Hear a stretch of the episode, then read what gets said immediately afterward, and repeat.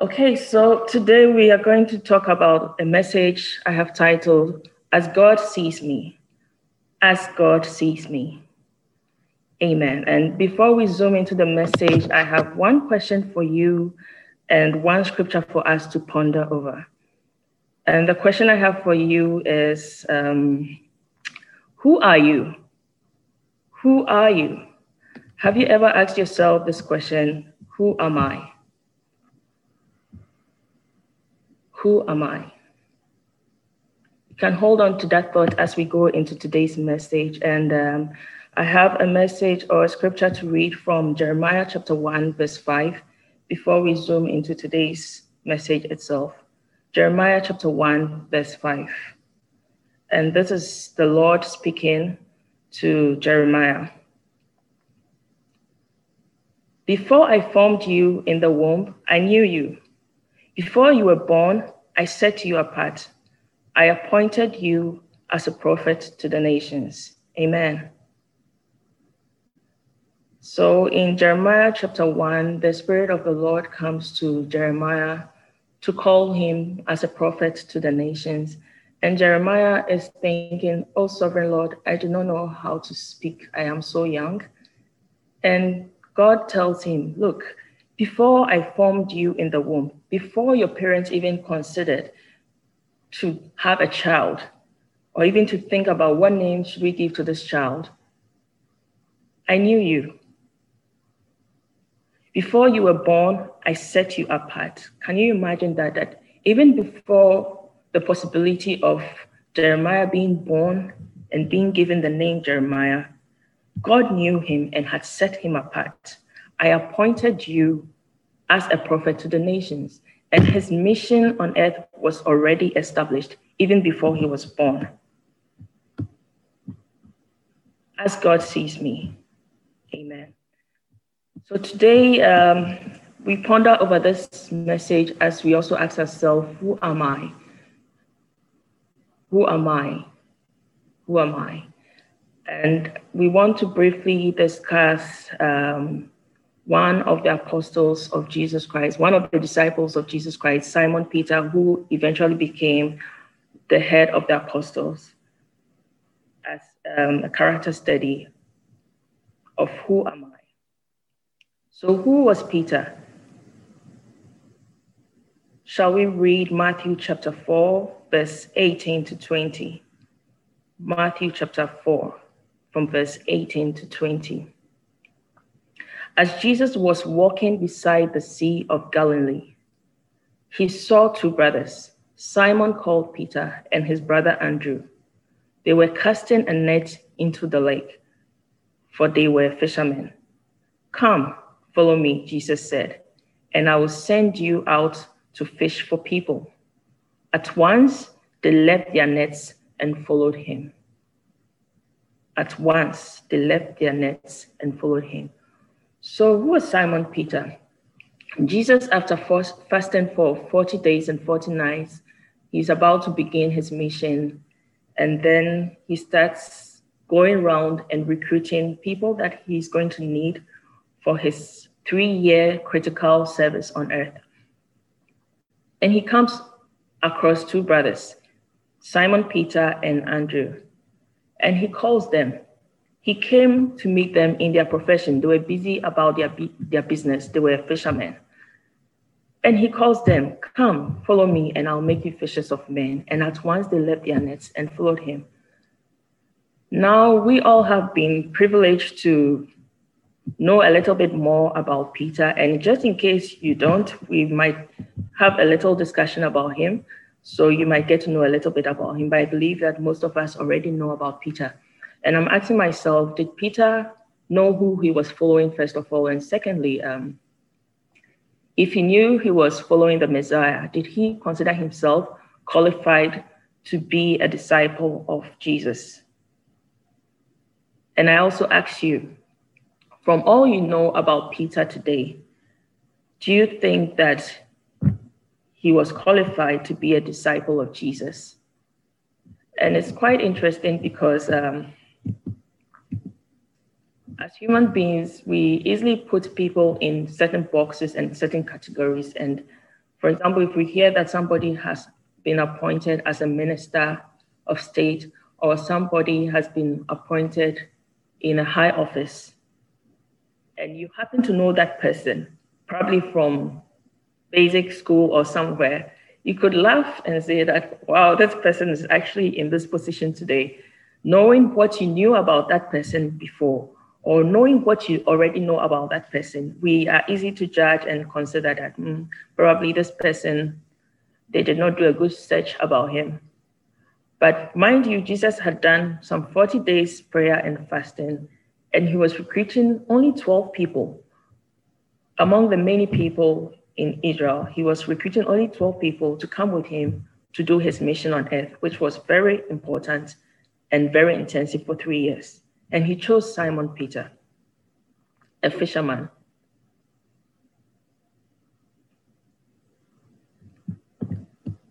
Why would somebody say that probably Peter was, um, was not fit for the job?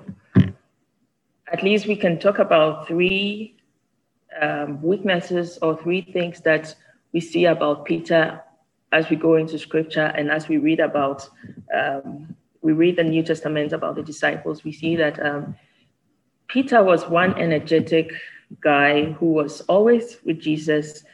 And we hear of his opinion most of the time through the scriptures while Jesus was alive and even after he died. Peter is one of the most prominent disciples. But then again, because he spoke so much, we get to see a lot about his weaknesses. We don't get to know much about the weaknesses of, for example, Andrew or the other disciples because probably they were not as outspoken or they were not as vocal as Peter was. But uh, in spite of the fact that Peter was very close to Jesus, very outspoken and everything, we see that he was also one person who was very impulsive. He was very notorious or noted for speaking in haste and mostly before he even thinks. Consider the time when he told Jesus that um, if it is you on the water, tell me to come to you. And at a glance, you might think this was an act of faith, but it also looks like he spoke before he thought about the reality of walking on water. So he starts walking on the water and he thinks for a moment, wait a minute, what am I doing? And he begins to look around him. I'm actually walking on water. And mind you, he's the only one aside Jesus. I mean, these days there are a lot of magicians around doing all kinds of things, but he's the only one aside Jesus the Bible records walk on water. He starts walking on water and he pauses for a moment and is like, What am I doing? And he's like, Me, Peter, on water. And then he begins to sink. He took that step of faith before he even thought about the possibilities and calculated the reality of what it takes to walk on water.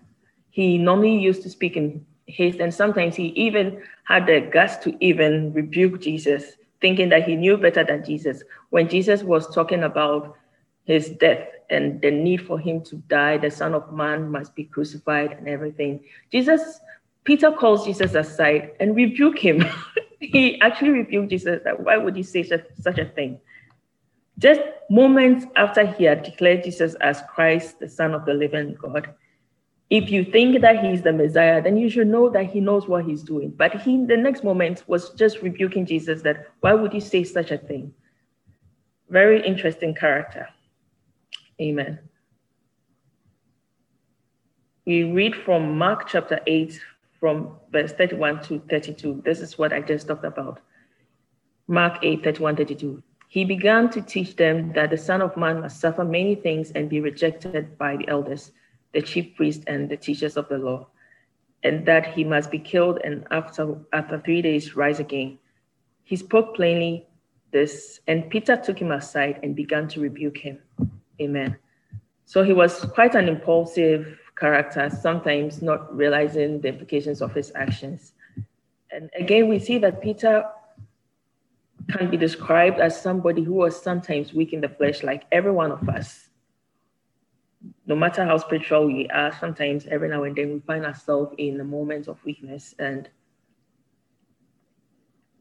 as one of the core disciples of Jesus, Peter, James, and John were um, Peter, together with James and John, were one of them, the three that were closest to Jesus. And there were places that Jesus went without the 12, but would go with them sometimes in prayer, as we see in Mark chapter 14, from verse 37 to 42. Mark 14, 37 to 42. We see that Jesus went up towards the time of his dying or towards the end of his ministry. He went up with his three closest disciples to pray. And he comes back find, to find them sleeping. And he goes like, so can you not wait with me for an hour? He just went with them for an hour and he couldn't stand by the Messiah. He was sleeping on the job. Amen. And we see also from Mark chapter 14, from verse 66 to 72, where Peter, after boasting vehemently that he was going to be with Jesus until the very end, he actually denies Jesus three times and even denies him on oath. Somebody who had boasted of being, I mean, so crazy about the Lord and that there was no way he was going to leave him and he was going to be with him to the end. When he was even asked to identify himself as um, one of the disciples, he just stayed back, he relaxed, and he said, No, I'm not one of them. I don't know what you're talking about. He denied Jesus. Amen. Again, we see in Peter um, a character of inconsistency. And we see um, from Matthew chapter 14, from verse 22 to 33, where he walked on the water, and then later on he was like, "What am I doing?" Or he became became conscious of his environment and started fearing, and then he sinks. He one moment declares his allegiance to Christ, and the next moment denies him. He brought the gospel to the Gentiles, and then later on he wouldn't even eat with them. Sometimes the human nature of Peter got into his ministry or his task, and then he just relented, regardless of everything that he had learned from the Savior and working close to him. But this is somebody that Jesus chose to be one of his disciples. And we see that um, Peter's weaknesses did not disqualify him from being used by God. It was all part of God's plan. His identity in Christ was more important than the issues that defined him as a human being. And that is what I want us to reflect upon as um, we talk about today's message as God sees me. His identity in Christ was more important than the things that define him as a human being. And that is why, as human beings, we are able to easily judge others and disqualify them from certain services and certain assignments without knowing that in the eyes of their Father, the Heavenly Father, He sees them as no less qualified. He sees them as fit for the job. Jesus saw in Peter a capable leader, though a fisherman, and one who would lead the church after his departure. And that is why he chose Peter. Amen. Peter, regardless of all these things we have said, we see also that he was not all, uh, he was not a package of weaknesses. He was the one disciple who was able to affirm Jesus when he asked them, Who do people say I am? Let's look at Matthew chapter 16 from verse 15 to 18. Matthew 16, 15 to 18. Jesus was asking his disciples what people thought of him. And he comes to verse 15 and says, But what about you? He asked, Who do you say I am? He asked all 12 disciples, Who do you say I am? And Simon Peter replied, You are the Messiah, the Son of the living God. Jesus replied, Blessed are you, Simon, son of Jonah, for this was not revealed to you by flesh and blood, but by my Father in heaven. And I tell you that you are Peter, and on this rock I will build my church, and the gates of Hades will not overcome it. Amen. And I tell you that you are Peter, and on this rock I will build my church, and the gates of hate will not prevail against it. As we know that Peter, the name Peter means rock. And that's why Jesus says, and on this rock and on you I will build my church, and the gates of hell would hate will not prevail against it, or the gates of hell will not prevail against it. Regardless of his weaknesses, he was also somebody who was very sensitive to the Spirit of God. He was able to prophesied that Jesus is the Messiah because he was in tune with heaven. Amen. So he wasn't a baggage of weaknesses or he wasn't all wrong. He wasn't all incapable. Amen. And Jesus said that on this rock I will build my church, and the gates of hell will not prevail against it. Consider that regardless of Peter's Peter's weaknesses and everything that probably could have disqualified him as a leader of the church, Jesus says that he is going to build his church on Peter or on this rock Peter, and the gates of hell will not prevail against it. How does this resonate with you?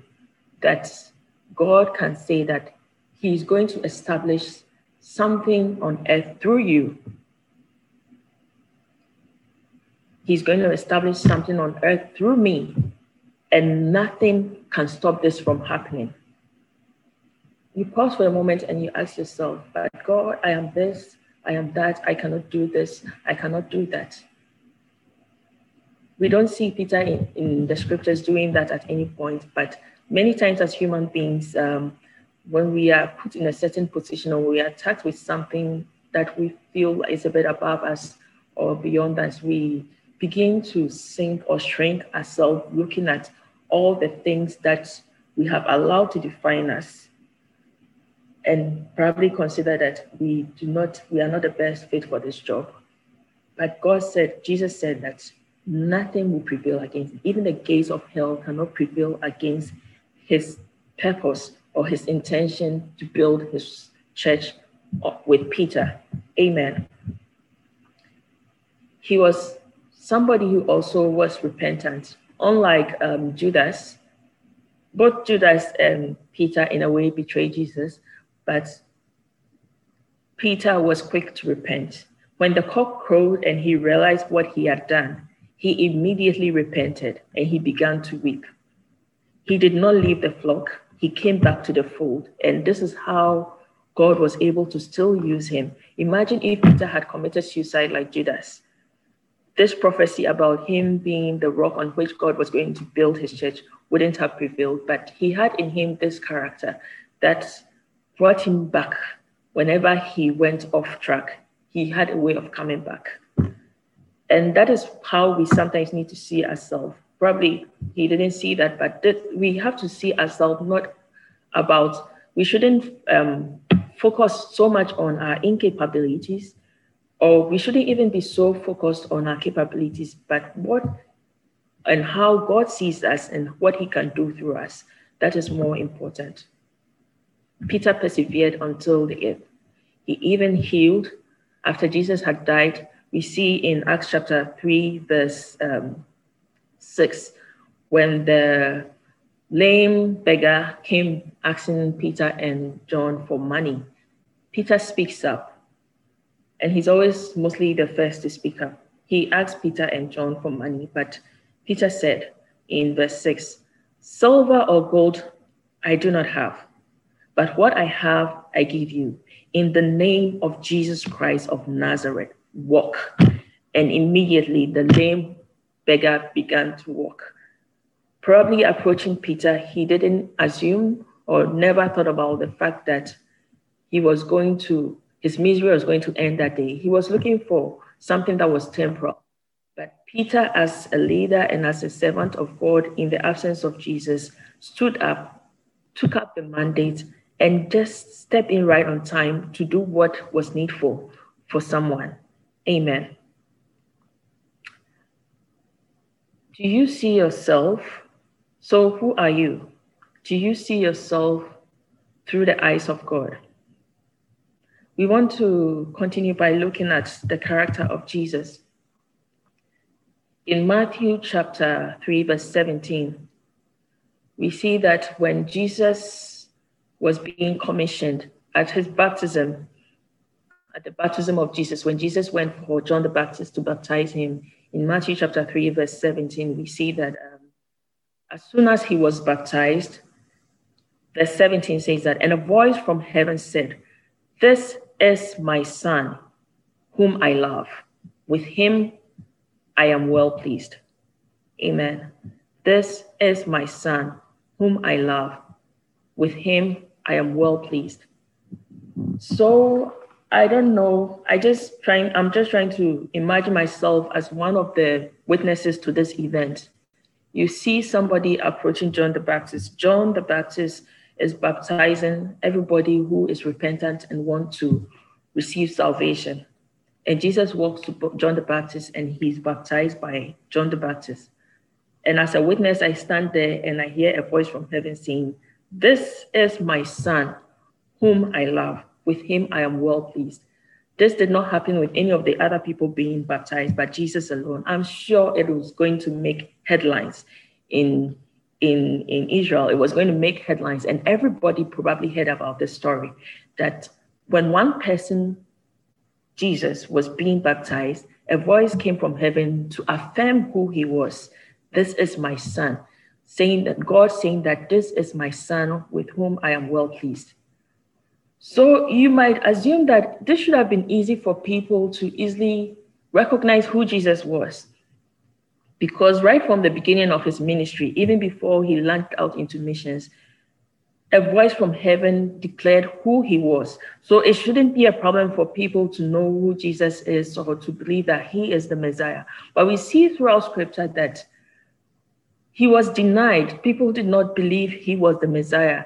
The leaders of the church spoke against him and even thought he was blaspheming for calling himself the Messiah or calling himself the child of God. is isn't this amazing? We look at um, how at some point he had to pause and ask himself or ask his disciples just to check if they were still getting it. And this was somewhere in the middle of his ministry. Who do people say I am? In Matthew chapter 16, from verse 13 to 14, we read When Jesus came to the region of Caesarea Philippi, he asked his disciples, Who do people say the Son of Man is? And listen to the reply, very interesting reply regardless of what was said at the beginning of his ministry, regardless of all the miracles and everything they had seen him do, this was the reply the disciples gave.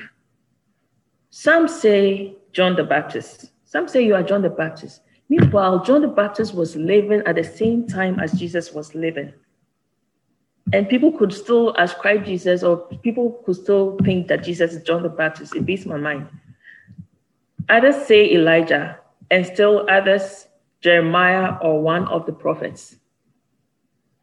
None of these statements define who Jesus is. None of these statements, I mean, points to him as the Messiah. This is what people are saying. This is the opinion of the masses. They've heard Jesus moving around. His name is Jesus, not John the Baptist. They've heard him doing miracles, healing people, preaching the gospel, doing all sorts of things, and they could still not recognize him as the Messiah.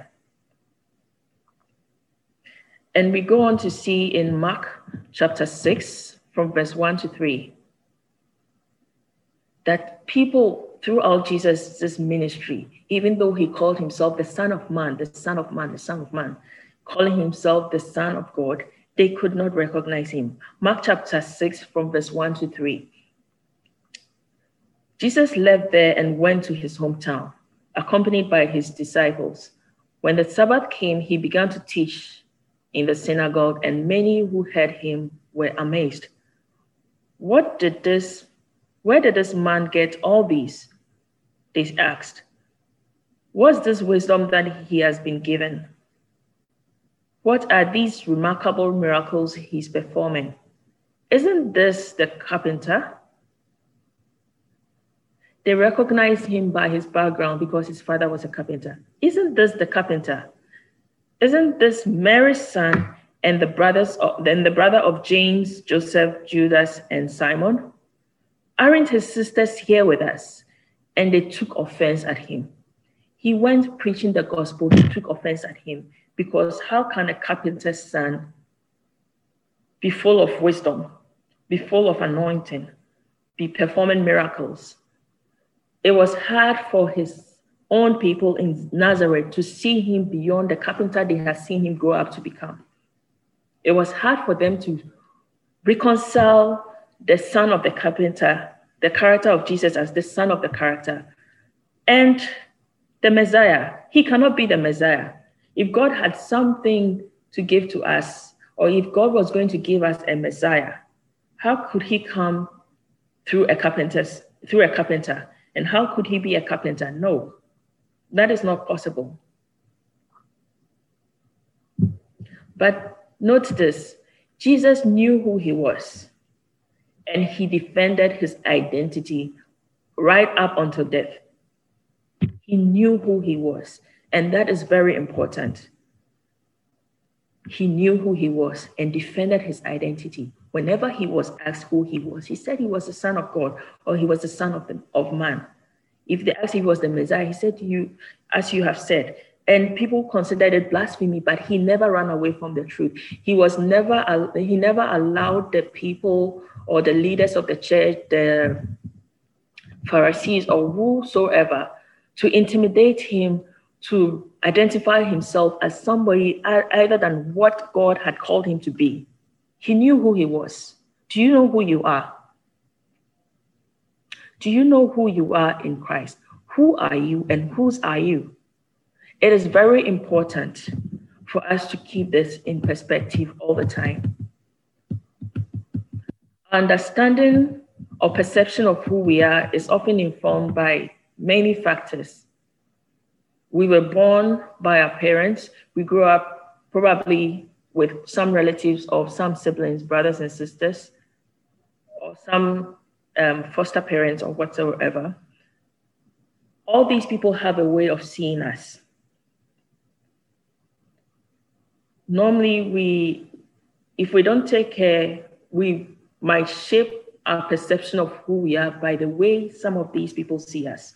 So some of the factors are, for example, how do our parents or our family see us?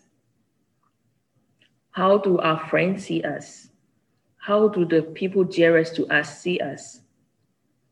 We belong to certain communities. You might, in our workplaces, in our schools, in our clubs and certain associations we belong to. How do people see us? But most importantly, we should remember that as Christians, what God says about us is what is most important. People may have all kinds of perceptions about us. Amen.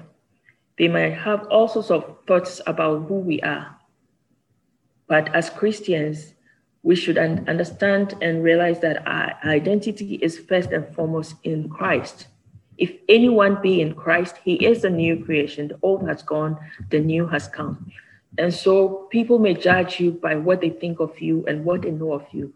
But you, as a Christian, must know who you are in Christ and keep that view in perspective because the storms will come, the issues of life will come. Just like Peter, he will you step into an action of faith and you will see the environment you find yourself in, and you may be intimidated by that environment. You may see the waves of life and begin to question, Who am I? But it is important that we do not forget who we are or who God says we are. That is the most important thing and we must always keep that in, in view. We must always see ourselves as how God sees us. Let's look at a few examples before we end. Moses, he killed someone and probably identified himself or others saw him as a murderer. When God approached him to lead Israel, he said that he was a stammerer. But he saw himself as a stammerer and as a murderer, but God saw him as the best qualified candidate to lead his people out of captivity from Egypt into the promised land. Gideon, he said he was the least in his family and unfit. But when the angel of the Lord came to him, he identified him by his heavenly identity, his godly identity. The, the, the angel of the Lord approached him by saying, Mighty man of valor. How can somebody who is the least of his family and somebody who's, who considers himself as unfit be described by God through the angel as mighty man of valor? God saw in him the value he had placed in him that probably he had not even taken note of. He was yet to see what God was about to do with him.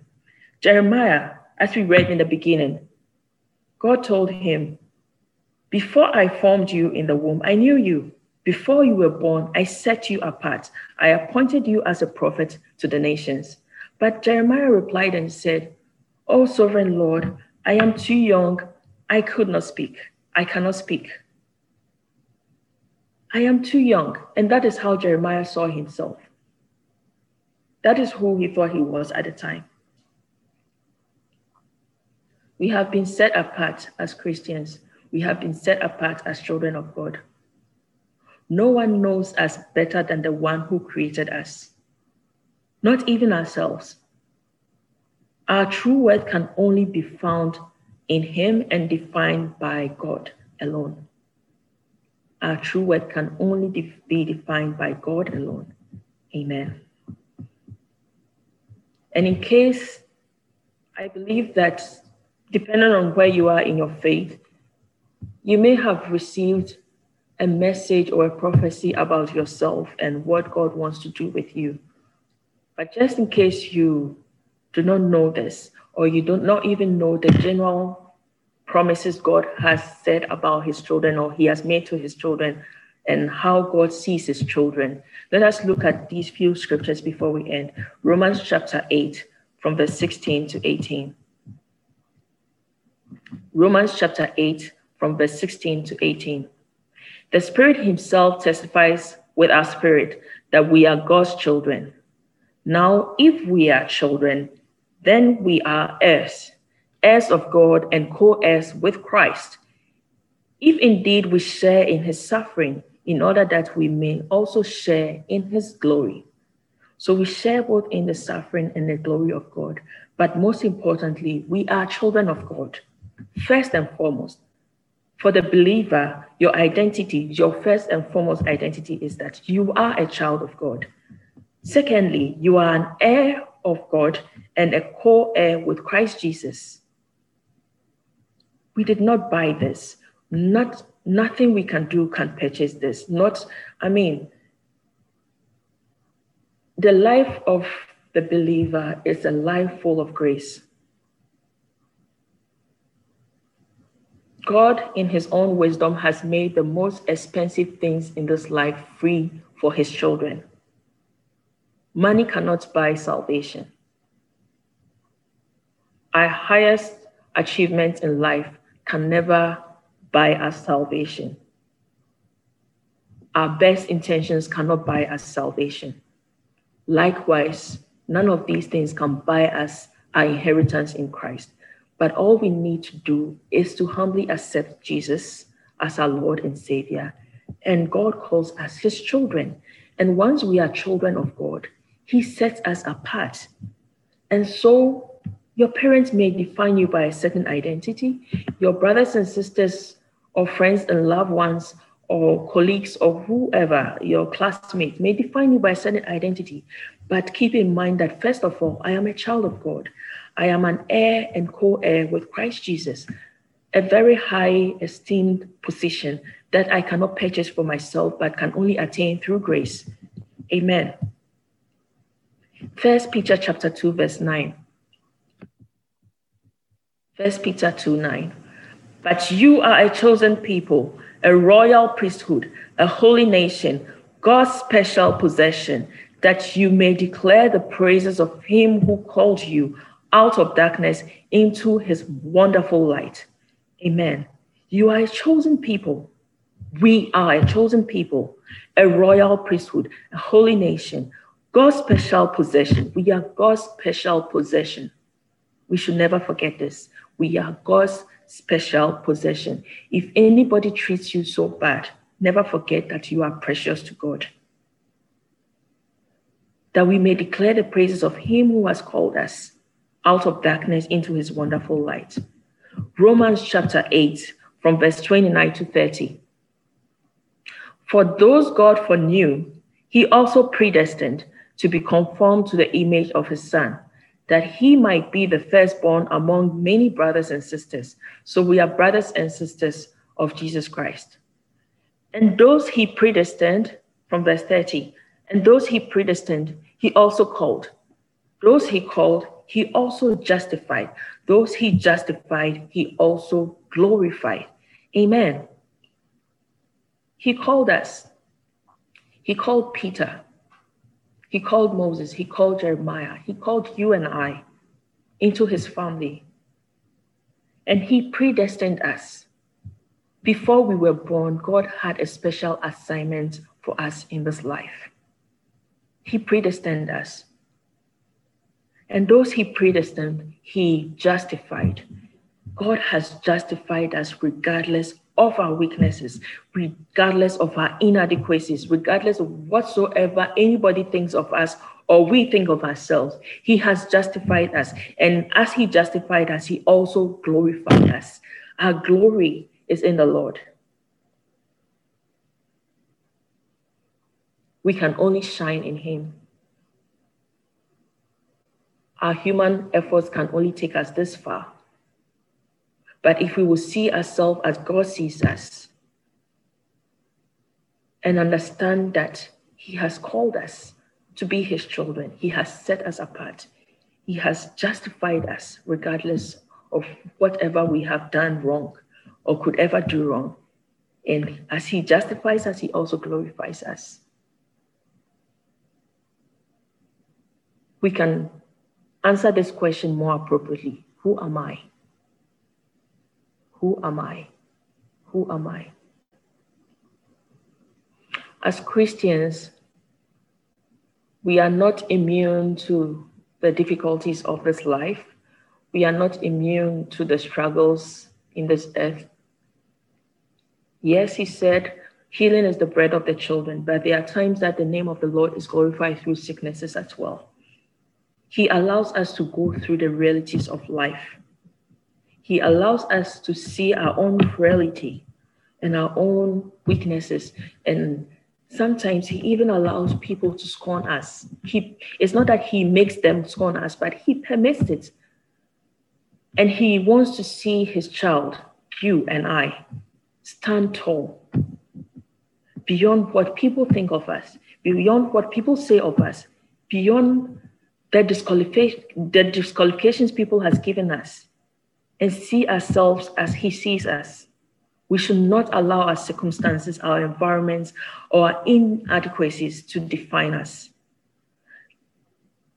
It's sometimes hard, yes. It's sometimes really difficult to remember who we are. But maybe you should write it somewhere in your diary, somewhere in your room, somewhere on your heart, so that you never forget this that those things that you go through do not define you. Our identity is in Christ alone. We keep our eyes on Him and do our best to see ourselves as He sees us. Always remember who you are and walk in that affirmation. Amen.